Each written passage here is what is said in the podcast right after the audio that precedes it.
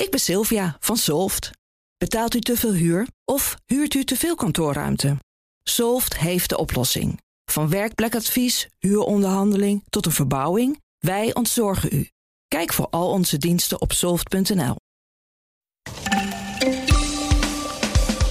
Belangrijk onderzoek naar kanker bij kinderen is tijdelijk stilgelegd, omdat de fondsen opdrogen. En geld voor nieuw onderzoek is al helemaal schaars. Pakketbezorgers als DHL zijn begonnen om zelf schepen te laten varen van China naar hier. Omdat de prijs voor containervervoer bij de grote rederijen de afgelopen maanden zijn geëxplodeerd. En Schiphol zou de CO2-uitstoot op de luchthaven flink kunnen verlagen als de polderbaan gesloten zou worden. En dan zijn we bovendien meteen verlost van die 15 tot 20 minuten taxiën. Dit is Nieuwsroom, de dagelijkse podcast van het Financiële Dagblad en BNR Nieuwsradio. Met het nieuws verteld door de journalisten zelf. Ik ben Mark Beekhuis en het is vandaag maandag 15 februari. Hallo Rob de Lange van het Financieel Dagblad. Goedemorgen, Mark. Ja, ik doe het heel nadrukkelijk. Van mijzelf heb ik al een keer voorgesteld. Maar de mensen met wie ik praat, dat is steeds wisselend van minuut op minuut. Hè? Ja. Dus ik dacht, ik zeg het er maar even bij voor de, voor de lieve luisteraar. Jij was bij het Prinses Maxima Centrum. Of was, was je daar? Waarschijnlijk niet. Hè? Het gaat vast allemaal telefonisch. Nee, ik was er echt. Je was wel daar? Echt, ja. En dat was niet de eerste keer. Uh, want uh, jaren geleden alweer. Toen uh, had ik wel regelmatig contact met Hans Klevers. Dat is een van de meest prominente kankeronderzoekers van Nederland. En die was toen samen met een paar anderen hadden ze het idee opgevat om te kijken of je in Utrecht een kinderoncologisch centrum zou kunnen opzetten. En uh, ik dacht, leuk idee, wordt nooit wat. Maar tot mijn verbazing is het ze gelukt. En dat is echt een on-Nederlands succes, vind ik zelf. Omdat ze ervoor hebben gezorgd dat ze alle kinderoncologische centra in Nederland ervan hebben weten te overtuigen om, uh, nou ik zeg nu even heel grof, om hun winkeltje op, op te zeggen en samen te gaan in dat centrum in Utrecht. En ja, het is één grote landelijke fusie geworden. Hè, van het is alle... één grote landelijke fusie geworden. En dat is natuurlijk heel bijzonder. En je ziet nu langzamerhand zie je ook uh, waar dat toe leidt. Namelijk dat daardoor kunnen ze veel meer kinderen behandelen. Maar ook veel grotere onderzoeken opzetten. Waardoor ze ook gelijk al uh, internationale uitstraling krijgen. Bijvoorbeeld uh, farmabedrijven die graag met hen samen willen werken. Omdat ze nou, snellere testen kunnen doen. Medicijnentesten. Maar ook uh, grote onderzoekscentra in de Verenigde Staten of, of in Azië, die, die willen nu heel graag met het Maxima samenwerken. Plus, dat komt er ook nog bij, door die concentratie van in Utrecht uh, heeft het ook een, een, een aantrekkingskracht voor echt voor uh, ja, toponderzoekers die heel graag nu in Utrecht willen werken. Dus het is een soort vliegwiel wat daar in gang is gezet, wat ik echt heel bijzonder vind. Ja, maar als je het zo vertelt, dat is gewoon een heel mooi eh, PR-verhaal. Het is vandaag ook toevallig de Werelddag voor. Uh, nee, zeg ik dat goed? Het is vandaag de Wereldkinderkankerdag. Dus dat zou op zich nog niet eens heel erg misstaan. Uh, maar dat was niet waarmee je op vrijdagmiddag even bij mij langs wandelde bij mijn bureautje. Nee. Toen zei je. Ja, daar gebeurt daar dus heel mooi onderzoek en het geld is op. Ja, nou ja, dat, ik had dat aanloopje even nodig om. Uh, toen ik vorig jaar de stand van zaken daar opnam, toen stond boven een stuk over dat Prinses Maxima. Uh, werkt als een magneet op investeerders en financiers. En dat was toen ook zo. Dat, uh, het geld nou, het stroomde niet binnen, maar ze, ze, hadden echt heel veel inkomsten uit de goede doelen. En uit fondswervingen en uit allerlei acties. En het liep echt als een trein. En nu, door corona, is dat echt dramatisch teruggelopen. Met 30 tot 40 procent. Um, dan moet je er even bij zeggen nog, Mark, dat zij krijgen in het maxima de zorg van de kinderen vergoed. Maar dat is dan ook. Dus de hele aankleding van het ziekenhuis, want het is echt hartstikke mooi ook hoor, van binnen.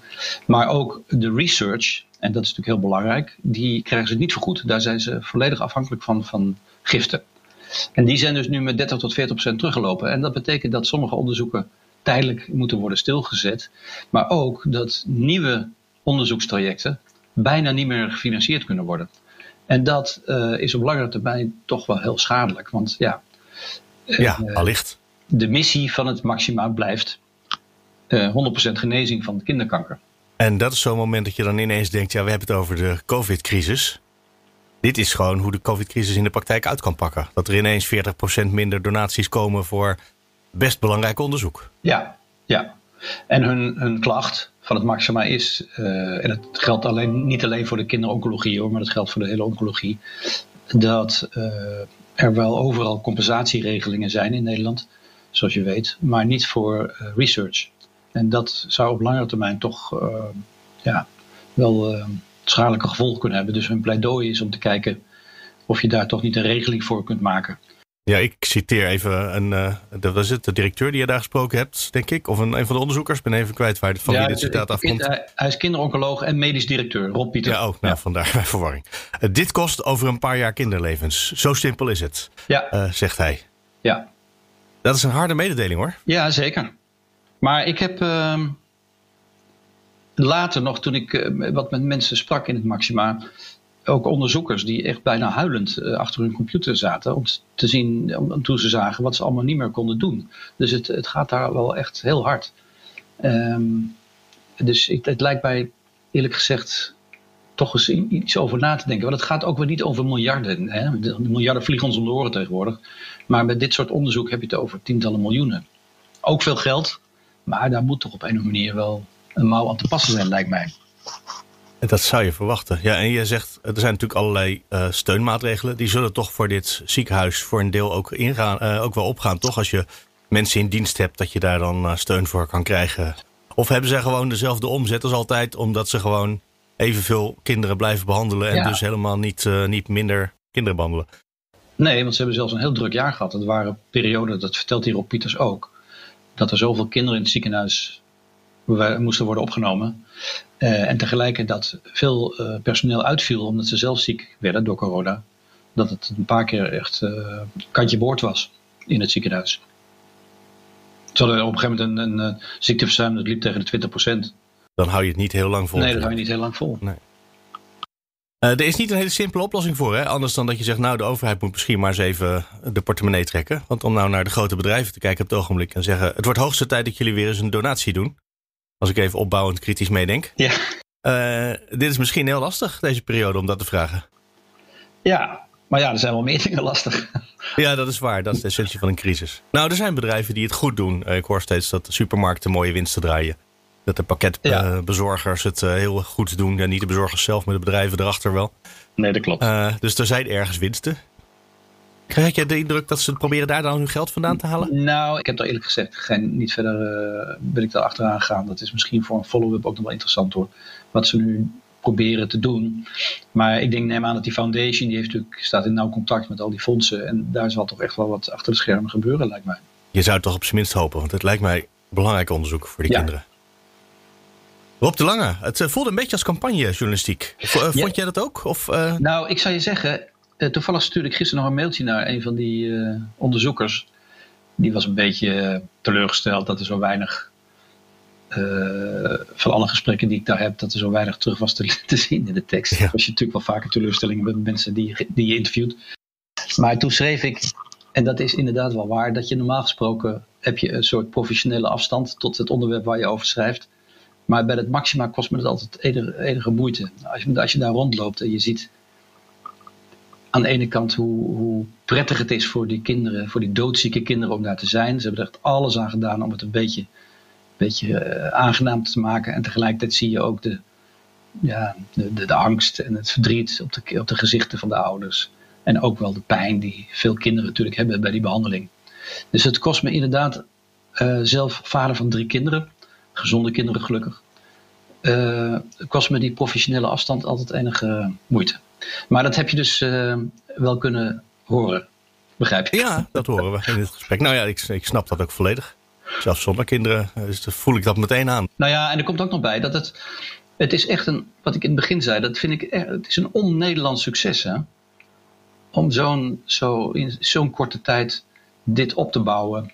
En, en, tegelijkertijd ook daardoor een internationale speler te worden. Het is, het is nu al het grootste on, kinderoncologisch centrum van Europa. Dat vind ik echt een prestatie. Ja. Nou, misschien, heeft het, uh, misschien haalt het iets uit, dit stuk in de krant. Je weet het nooit. We zullen zien. Bob, dankjewel. Dankjewel, Mark. Tot gauw. Hallo, Pieter Lokens van het Financieel Dagblad. Goedemorgen, goedemorgen Mark. De pakketbezorgers, die uh, maken natuurlijk gebruik van containers om allerlei spullen van China of vanuit de VS naar hier te brengen. En uh, daar hebben we de laatste tijd al vaker uh, over gehad in deze podcast ook. Dat de prijzen van het uh, versturen van de container echt geëxplodeerd zijn. heb jij zo actuele tarieven toevallig paraat? Wat kost het nu van China naar hier? Nou, dat, je hebt, zeg maar, gemiddeld is dat toch wel gestegen van zo'n 1500, 2000 dollar naar, ja, zeg, pak een beet 8 tot 10.000 dollar met uitschieters. Ik ook iemand die betaalt 12.500 dollar, geloof ik, om van Zuid-Korea iets naar, uh, naar Rotterdam te, te verschepen. Dus, vier, uh, vijf keer zo duur geworden. Vier, vijf keer zo duur is het wel geworden, ja. En nou ja, dan komen natuurlijk de bedrijven die die containers graag willen verschepen in beweging. Want dat is wel de moeite om eens gaan na te denken wat je, wat je eraan kan doen. En DHL onder andere, maar er zijn nog een paar andere van die grote bedrijven die hebben nu besloten, dan gaan we toch zelf onze schepen laten varen. Ja, dat klopt. Dat is fascinerend. Ja, dat is, dat is zeker fascinerend. Dat is voor het eerst dat dat op zo'n grote schaal uh, gebeurt. En DHL is toch niet de kleinste uh, pakjesbezorger. Een van de, ik denk dat het de top drie wereldwijd is. Uh, die denkt ook van, ja, ik betaal dus nu 10.000 dollar om een container te verschepen. Plus dat ik enorm moet vechten om een plek op dat schip. Want ja, de capaciteit is nog steeds uh, uh, beperkt en uh, je moet soms lang wachten. Dus die hebben gedacht van laat ik daar zelf maar eens even kijken wat ik kan doen. En er zijn natuurlijk kleinere schepen die normaal daarvoor niet gebruikt worden. Omdat het, ja, ze zijn wat minder efficiënt. Hè? Die grote schepen per, het voordeel is daarvan dat je dus per container vrij lage kosten hebt. Maar ja, dat is nu ook niet meer het geval. Dus die charteren kleinere schepen die normaal zware lading vervoeren, de zogenaamde multipurpose vessels. Um, ja, die, zijn, die hadden wat minder te doen en die zijn dan te huur, te, te, te charteren bij bepaalde ondernemingen. En die hebben ze dus gecharterd voor een bepaalde periode.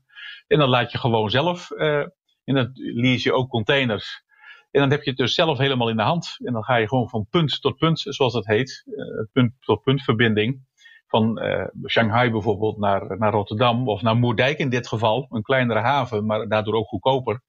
En dan laat je die gewoon varen. En dan heb je het zelf in de hand, kun je de planning doen. En je weet zeker dat die containers aan boord komen en wanneer ze precies aankomen. Want dat is ook nog even. Het geeft meer zekerheid en het geeft lagere kosten. Ja, Eigenlijk is het heel erg voor de hand als je, als je dan zo'n bedrijf bent om het te gaan doen. Ja. Uh, betekent dat nu ook dat de, de grote containerbedrijven meteen reageren en denken: oh, wacht eens even, dat is onze markt. Ze lopen weg. Uh, nou, dat ze nu ook hun tarieven omlaag al aan doen zijn? Nou, ik, denk dat dat is nog even de vraag, omdat het nog steeds een enorme vraag is naar, naar het containervoer. En dat er ook allerlei verstoringen in die logistieke keten gekomen zijn door de, de pandemie en door de lockdowns die in landen zijn uh, uh, doorgevoerd. Uh, dus door die verstoringen zijn er ook te weinig lege containers op de goede plek. Dus dat zal nog wel even duren. Dus die prijzen echt verlagen. Dat, als ze dat zouden doen, dan, dan zou je denken van hé, hey, dan hebben ze ook die prijzen dus kunstmatig verhoogd. Hè? Als je ze ook gewoon zo even kunt verlagen. Dus dat zit er denk ik eerst niet in. Het is misschien wel een waarschuwingssignaal naar die rederijen van hey, als jullie niet um, voldoende capaciteit inzetten of veel te duur worden, dan gaan we zelf uh, dingen regelen. Hè? En er is natuurlijk in de afgelopen tijd ook al kritiek geweest op die uh, grote containerallianties, de allianties waarin de grote rederijen samenwerken, dat die op sommige routes een enorme dominantie hebben gekregen. Een marktaandeel van van 90% zeg maar op, op belangrijke vaarroutes. Ja, als je daaraan overgeleverd bent, dan ga je toch eens even kijken van, uh, zou het ook nog anders kunnen? En als je maar uh, groot genoeg bent, en DHL is best een groot bedrijf natuurlijk, uh, ja. dan kan het misschien ook wel. Ja. Dat je zegt, nou, dan nemen we niet zo'n enorme mega container schip, maar dan huren we gewoon een scheepje wat toevallig toch niks te doen had. En daar zetten we onze eigen containers in. Ja, precies. En uh, is denk ik ook een, een waarschuwing naar die rederijen. Van, uh, want daar is ook kritiek geweest op, op de manier waarop uh, hun klanten, zij hun klanten benaderen. van, sommigen worden beschuldigd van contractbreuk. Dat je een, een, contract hebt en dat er in één keer allerlei toeslagen bij komen. Dat het allemaal weer veel duurder wordt. Um, dus daar is, daar is al het enige enige tijd al wat over te doen eh, geweest, ook vanuit Brussel. Uh, de Europese organisaties die aangeklopt hebben bij de Europese Commissie. Dus ik, ik denk dat het voor die rederijen wel een, een, een, soort signaal is van wacht even, we kunnen niet tot in, de, in het oneindige onze gang gaan. Als we even uitgaan van die rederijen, de, de Maersk en de MSC, mhm. dat soort bedrijven. Laten we even vanuit gaan dat ze te goede trouw zijn. Dan moeten ze dus kennelijk de tarieven zo hoog maken, omdat ze gewoon tekorten hebben op allerlei plekken en heel veel vraag ja, dan, uh, dan krijg je vanzelf dat, degene, dat de tarieven omhoog gaan. Um, doen zij iets verkeerd als anderen nu met eigen scheepjes onder die kosten uitkomen? Doen, is, is het gewoon de logheid van een grote organisatie misschien die hier speelt? Ja, daar speelt zeker een bepaalde logheid een rol. Ik denk dat het ook, dat is even, het probleem ook, en dan ga je nog weer een laag dieper, de ondoorzichtigheid van hoe die sector werkt. Want ja, die, zeg maar de tien grootste rederijen die het, die het grootste marktaandeel samen hebben, die werken in die allianties samen. Ze weten nooit precies hoe ze dat onderling doen. Uh, sommige, uh, dus klinkt steeds een zweem van, uh, van een kartel doorheen, tenminste in de kritiek die sommige organisaties hebben op die, op die rederijen. dat ze dus, Europa, Europa heeft ook een soort uitzonderingsregel toegepast, dat ze dus mogen samenwerken in die allianties. Um, maar ik, ik, ik, ik denk, dat zou nog wel eens een keer een hele goede studie zijn. Hoe werkt die sector precies samen en hoe, hoe, hoe gebeurt dat? En er zit inderdaad een, een zekere logheid in. Um, en plus dat ze natuurlijk allemaal um, uh, die containers weer op de goede plek moeten zien te krijgen. Ja, het is wereldwijd, hè, die lockdowns. Dus dan heb je natuurlijk wel in één keer een enorme grote verstoring. Ook nog ter verdediging wel een beetje van die containerrederijen. Het was wel wereldwijd. In, in Amerika lockdowns, in Europa lockdowns, eerst in China. Dus dan wordt die hele keten die wordt verstoord. En krijg dan maar eens een keer met al die uh, containers op de verkeerde plek staan, krijg die maar eens weer op de goede plek. Plus dat er in de havens ook nog allerlei uh, verstoringen zijn. Dat in bepaalde havens een deel van de havenwerkers in quarantaine moest. Uh, dus dan worden volle containers ook niet opgehaald. Die komen dus ook leeg, niet terug. Dus daar zit wel een zekere mate van, of een grote mate van verstoringen die misschien wel exceptioneel is. En we moeten dus, denk ik, de komende maanden zien, ook naar Chinees nieuwjaar, hoe zich dat ontwikkelt. Of die lege containers weer op de goede plek staan. En dat die tarieven weer wat gaan, uh, gaan dalen. Maar dat, dat zullen we dus moeten zien de komende maanden. Ja, en wat je beschrijft, dat verklaart misschien ook een beetje de, de kwaliteit van de levering. Want die is ook afgenomen. Hè? Het is wel hartstikke duur geworden. Maar het is niet gegarandeerd dat je op het goede schip meegaat en op tijd geleverd krijgt. Nee, nee, want de betrouwbaarheid ook van de vaarschema's, als ik van, eh, van eh, die en die datum vanuit A vertrek en ik moet volgens vaarschema op een bepaalde datum in B aankomen, die betrouwbaarheid is tot een absoluut dieptepunt gezakt. Hè. Dat is eigenlijk, eh, laatst was het 50%, maar ik zag nog weer een grafiek dat het daar ook alweer onder lag. Dus dan heb je het over dat 40% van die schepen dus op tijd eh, gelost worden in een haven, hè, eh, eh, volgens planning. En dat is, het, ja, dat is natuurlijk enorm wrang voor die grote verladers, voor die bedrijven die goederen laten versturen, verzenden via die schepen. Van ja, ik, ik mijn keten, mijn voorraadketen uh, gaat ervan uit dat ze wel op tijd aankomen. Dus dat, um, dat is heel wrang voor, dat voor die grote verladers. Wel veel meer betalen en, dan, en minder voor, uh, voor terugkrijgen. Ik moet op zich zeggen dat ik het ook een beetje herken dat de bezorging door de pakketbedrijven zelf uh, wat afgenomen is. Hè? De, de, betrouwbaarheid daarvan. Ja, ja ook. Uh, dat ze s morgens een mailtje sturen. We komen vanmiddag tussen zo en zo laat. En dat is dan smiddags geen mailtje meer. En ook niemand aan de deur. En de volgende dag komt er gewoon nog een mailtje. We komen vanmiddag zo en zo laat. Dat je gewoon denkt, nou misschien dat het vandaag wel is. Dus ook zelf hebben ze er last van. Ja, nee, dat klopt. En ook te weinig personeel volgens mij. Ze moesten allerlei, uh, ook te weinig auto's om, het, om het te vervoeren, heb ik het idee. Dus ja. Um, uh, dus ja, ze hebben zelf ook problemen. Dat, dat is inderdaad een. Dus ze moeten dat herkennen. Ja. Ja, ja, ja. Is nou jouw indruk dat dit een soort stunt is om een signaal te geven van DHL onder andere om gewoon zelf zo'n schip te huren? Of is het eigenlijk ook misschien iets wat ze sowieso wel willen blijven doen? Ik bijvoorbeeld zit te denken, er zijn ook vliegtuigen met DHL-logo's erop. dus ze doen dat soort dingen voor een deel sowieso al zelf. Ja, dat klopt. Um, nou, ik denk dat het op zich. Kijk, um, als, eh, wat DHL het ook heel duidelijk aangegeven, als de omstandigheden erom vragen, zullen we het weer doen. Dus het zou natuurlijk best iets structureels kunnen worden als uh, die tarieven vrij hoog blijven. En dat heeft natuurlijk alles te maken van, ja, hoe, hoe gaan die rederijen zich gedragen in, in, de, in de toekomst?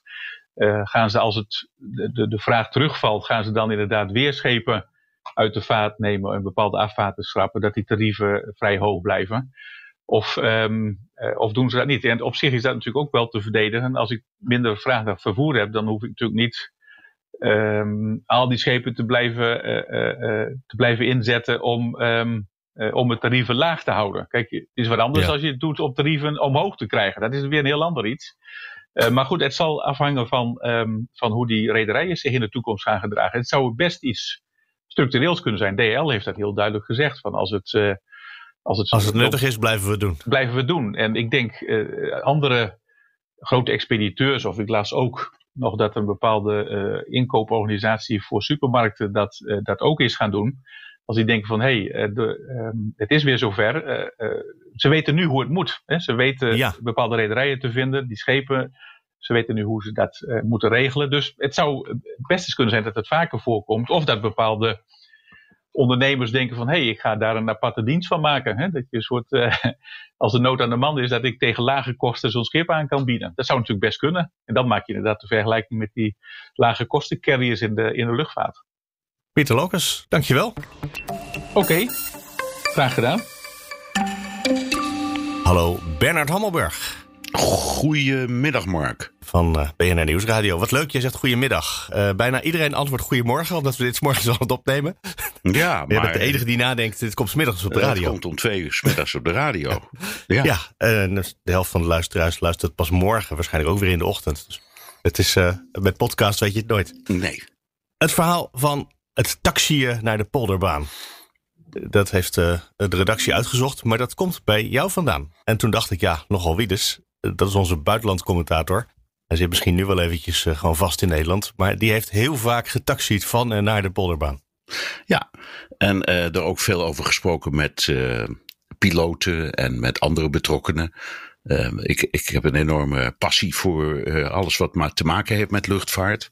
Dus ik vond het leuk om dat eens uit te zoeken. En inderdaad, kijk, ik geloof de gemiddelde taxitijd is rond de 19 minuten.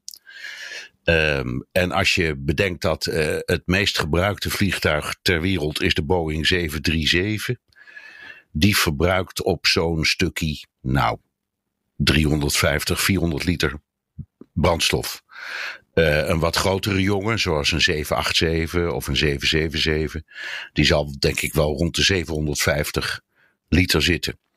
Dus laten we zeggen, je kunt te gemiddeld verbrandt een toestel daar tussen de 400 en 500 liter uh, op, dat, op dat stuk taxiën. Dat is gewoon tien brandstoftanks van een gewone auto. Die worden Zeker. eventjes uh, tijdens het tanken Zeker. in een kwartiertje leeggereden. Precies. Um, en uh, ik breng even uh, het verhaal in gedachten dat vorige week veel aandacht kreeg over de KLM. Die een vlucht naar Madrid uitge had uitgevoerd, gedeeltelijk met synthetische brandstof. Dat was 500 liter. Ehm, nou, die, die vlucht naar Madrid dat was het. Die, uh, die zal, weet ik wel, tussen de 8 en 10.000 liter gebruiken.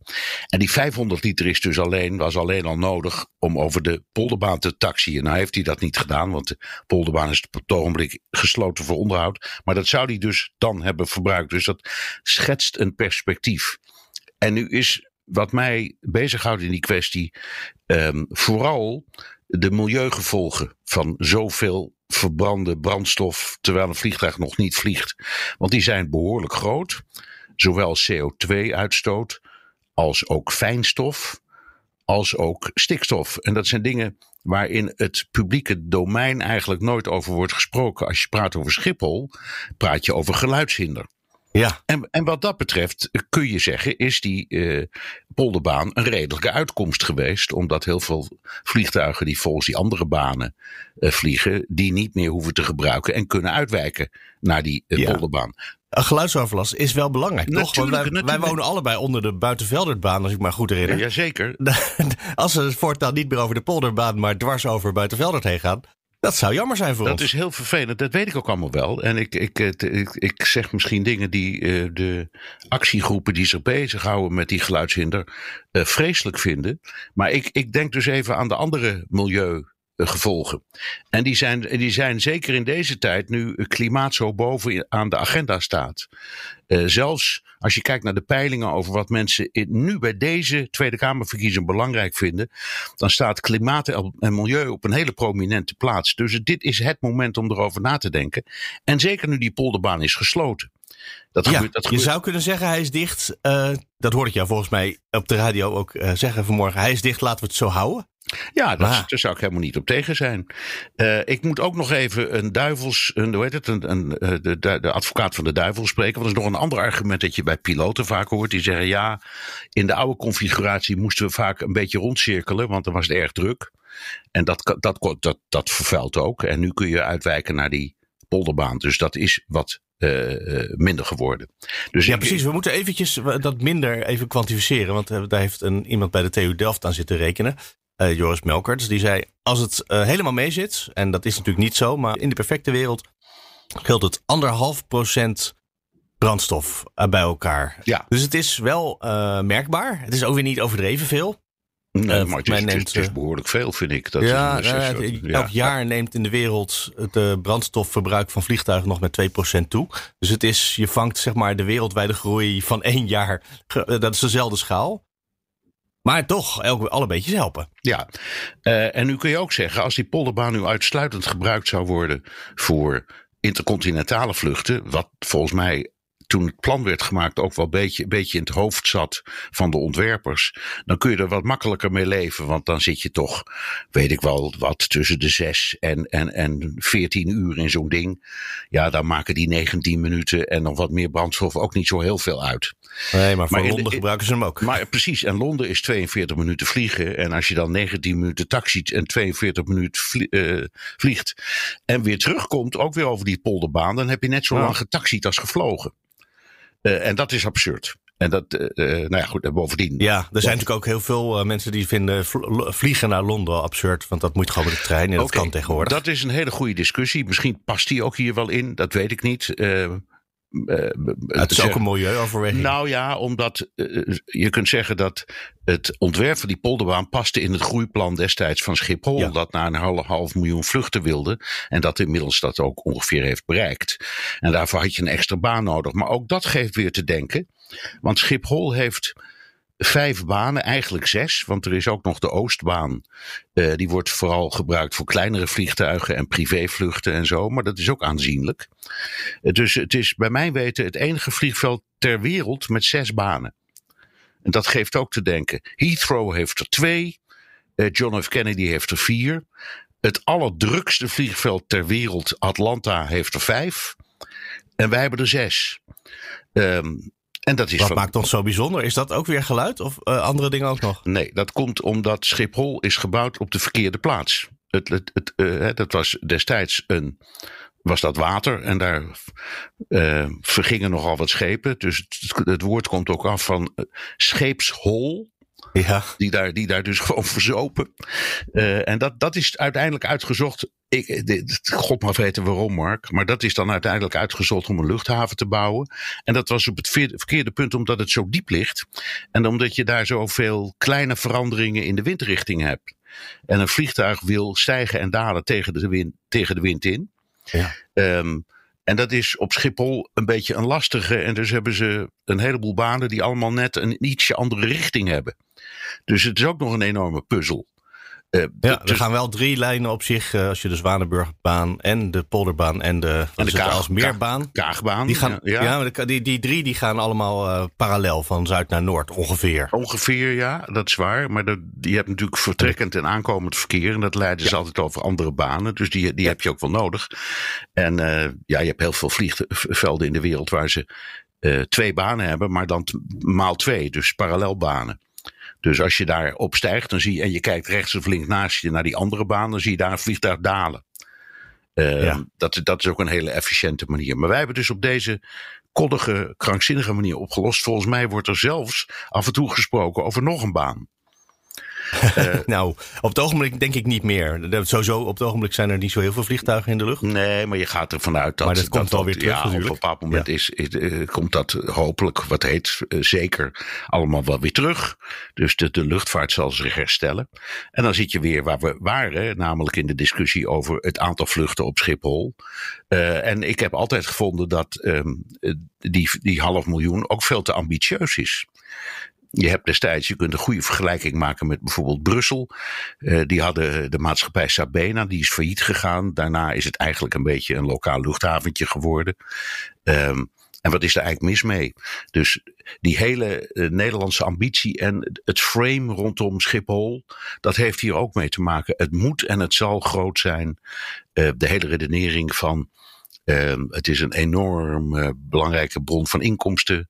Al dat transitverkeer, want het is bijna al uh, 84% van wat daar aankomt, vliegt door naar een andere bestemming. Ja, stapt over. Stapt over, ja. Dat, dat geeft heel veel uh, werk voor ehm, de bedrijven op Schiphol, maar ook daaromheen.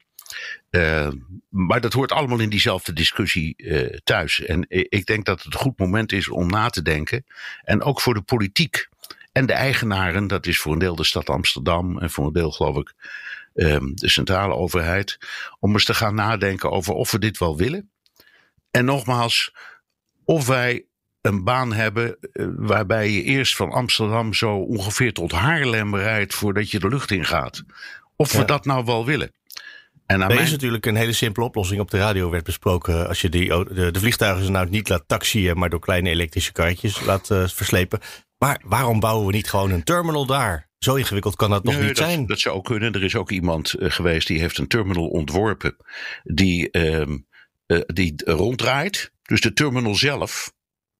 In plaats van dat de vliegtuigen daar omheen moeten rijden. Dus je kunt op dat gebied nog heel veel verzinnen. Dat plan van, die elekt van dat elektrisch er naartoe rijden. Dat is bij, uit mijn hoofd uit 2012 of 13. En zou worden geïmplementeerd in 2014. Uh, dus ze praten ja. al jarenlang over die op zichzelf best mooie oplossing hoor. Van sleep die dingen erheen en sleep ze weer terug. Kost ook energie. Maar in elk ja, geval. Maar goed, dat maar kan je dan uit windmolens halen. Want dat maar, ja, maar in elk geval veel minder. En de bussen op Schiphol zijn ook allemaal elektrisch. Dus dat past best in hun uh, visie. Uh, alleen ze doen het niet. Ik weet niet waarom niet hoor. Maar het wordt maar niet uitgevoerd. Je verwees net al eens naar de politiek. Die zou hier wat mee moeten. Nou, er zijn natuurlijk wel wat partijen die hier heel graag heel veel over willen zeggen. Denk aan GroenLinks en Partij voor de Dieren en die richting uit. Ja, uh, misschien D66 ook wel. Deze, maar... Ja, maar ja, en de ChristenUnie. Uh, denk en ik de ook ChristenUnie. Ja. We, we, hebben ook vanmorgen geprobeerd in de uitzending, begreep ik van uh, de collega's op de redactie, om wat milieuorganisaties in de uitzending te halen. En die wilde eigenlijk hier helemaal niet over praten. Die vonden die anderhalf procent kennelijk toch te weinig. Uh, ja, die, die, wilde wel, die wilde wel met ons praten over minder vliegen en minder vliegtuigen. Precies. En dat is, en... ik zeg, dat is, een, dat is een hele gezonde discussie. Maar die gaat ergens anders over. En meestal willen die organisaties ook vooral praten over geluid. Nogmaals, dat is het grote onderwerp in de discussie over Schiphol.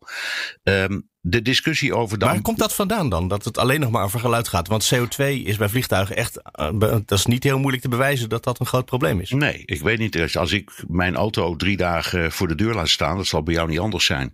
Op een normale dag met vol vliegverkeer, luchtverkeer.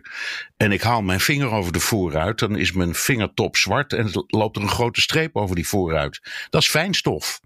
Ja. Dus je kunt het gewoon zien en voelen. En je weet dus ook dat, dat je het inademt. Um, dus die, kijk, de, de, de, partijen die zeggen we zijn gewoon tegen, tegen vliegen of we willen minder vliegen. Ik vind dat een andere discussie. Je moet ze, je moet ze niet door elkaar, elkaar heen husselen. Ik begrijp dat best. Maar het gaat voor mij meer om de, om de nou, we zeggen de, de partijen die niet zo in die, in die uh, milieuoppositie zitten. Uh, maar de gewone partijen die allemaal tegenwoordig milieu heel hoog in hun vaandel hebben. En nogmaals. Oh, die beledig je toch maar mooi GroenLinks en de Partij voor de nee, Dieren. Nee, dat nee, geen gewone partijen zijn. Nee, maar dat.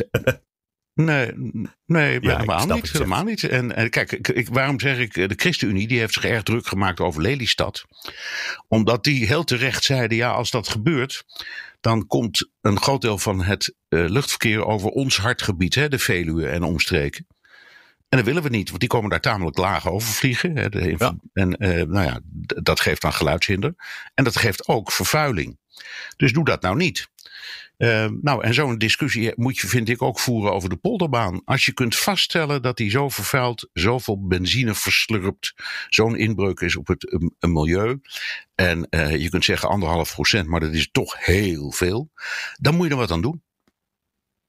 Bernard Hammelberg, dankjewel. We komen aan het einde. Je weet, je kan altijd reageren. Mail naar nieuwsroom.bnr.nl of nieuwsroom.fd.nl. En vaak zijn dat hele inhoudelijke dingen die jullie schrijven. Interessant, dus blijf dat ook zeker doen. Maar laat ik vandaag even de vraag van Mark aan jullie voorleggen. En Mark vraagt waarom hij de aflevering van Nieuwsroom Den Haag in Spotify altijd twee keer tegenkomt. En eigenlijk vindt hij dat verwarrend en niet zo heel handig. Dat is trouwens niet alleen in Spotify zo, dat is in alle podcast-apps die je zou gebruiken. Ook in de app van BNR. Op de website van BNR staat de podcastaflevering van vrijdag er ook altijd twee keer. We hebben dat bedacht ooit als uh, service. Als je alleen naar politiek wil luisteren, of als je één aflevering in de week eigenlijk wel genoeg vindt, dat je dan Nieuwsroom Den Haag kan luisteren. En dat is ook een voortzetting van de podcast die de Haagse redactie vroeger maakte, Project Binnenhof. Maar die is samengevoegd met de vrijdagse aflevering van Nieuwsroom. Dus de aflevering van vrijdag die vind je in je podcast-app en op al die andere plekken. Zowel in de podcast-feed van Nieuwsroom, waar je vijf afleveringen per week vindt. En de vrijdagse is Nieuwsroom Den Haag. Als in de podcast van Nieuwsroom Den Haag, waar je enkel en alleen Nieuwsroom Den Haag vindt. Dus we hadden dit bedacht als service. Maar als er nou meer mensen zijn die zeggen: eigenlijk vind ik dat heel verwarrend. Dat ik die ene aflevering twee keer tegenkom in Spotify. Meld je dan. Mail naar nieuwsroom.bnr.nl of nieuwsroom.fd.nl. Dan gaan we eens kijken of het anders moet. Het is voor mij extra werk, dus ik moet het ook echt handmatig twee keer op de website zetten. En ik ben lui genoeg om te zeggen dat minder werk altijd beter is. Maar ik weet ook dat er vrij veel mensen zijn die alleen naar de vrijdagse aflevering luisteren. Dus het is een beetje een afweging. Nou, vind je er iets van? Heb je er ervaring mee? Laat van je horen. Nieuwsroom.fd.nl of nieuwsroom.bnr.nl.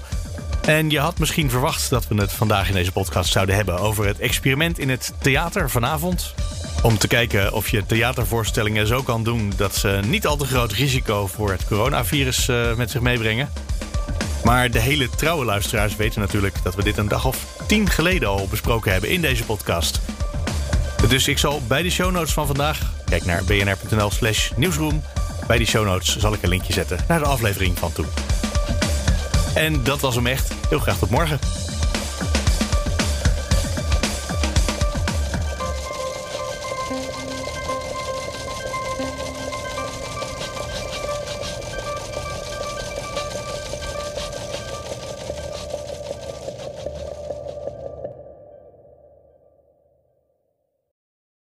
Sylvia van Solft. Betaalt u te veel huur of huurt u te veel kantoorruimte? Solft heeft de oplossing. Van werkplekadvies, huuronderhandeling tot een verbouwing, wij ontzorgen u. Kijk voor al onze diensten op soft.nl.